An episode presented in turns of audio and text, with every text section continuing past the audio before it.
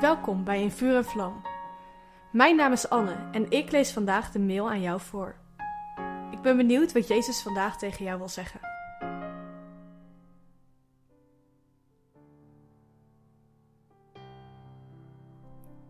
Wij als mensen bestaan uit een geest, een ziel en een lichaam. Met alle drie mogen we God dienen. Ons lichaam is het huis waar Gods geest hier op aarde in leeft. En doordat jij een kind van God bent, is jouw lichaam dus een tempel geworden. Een tempel van Gods geest. Lees daarover in 1 Korinthe 3, vers 12 tot 20. Maar wat betekent dat nou voor je dagelijkse leven?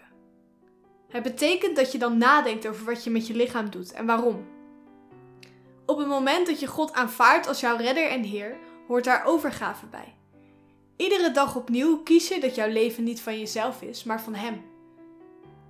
En doordat Jezus al voor onze zonde stierf, hoeven we niet meer aan de regels van de wet te voldoen. Ik mag alle dingen doen, schrijft Paulus. Maar daar komt wel een maar achter. Ik zal niet iets macht over mij laten hebben.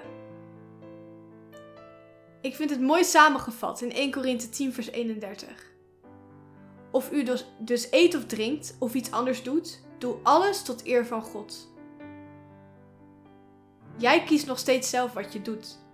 Je bent geen marionet die alle orders van God opvolgt. Ik wil je uitdagen om vandaag bewust na te gaan waar je je tijd en energie in steekt. Waarvoor gebruik jij je lichaam en je talenten? Geeft het God eer? Je hoeft daarvoor niet altijd je hele schema om te gooien. Het is ook een stukje mindset en perspectief. In mijn afstudeerstage sta ik voor de klas in een groep 8. En het is makkelijk om in de dagelijkse sleur te vervallen. Er zijn genoeg dingen op mijn to-do-list.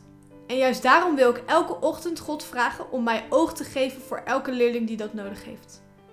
En juist daarom bid ik als ik tussendoor op de wc zit of er iets is wat God wil zeggen.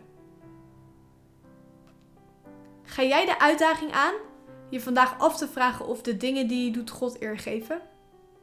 Je kan bijvoorbeeld aan het begin van de dag kijken welke dingen je die dag gepland hebt en hoe je daardoorheen God eer kan geven. Of misschien besef je je dan wel dat je dingen gepland hebt die je beter kunt minderen of zelfs achterwege moet laten.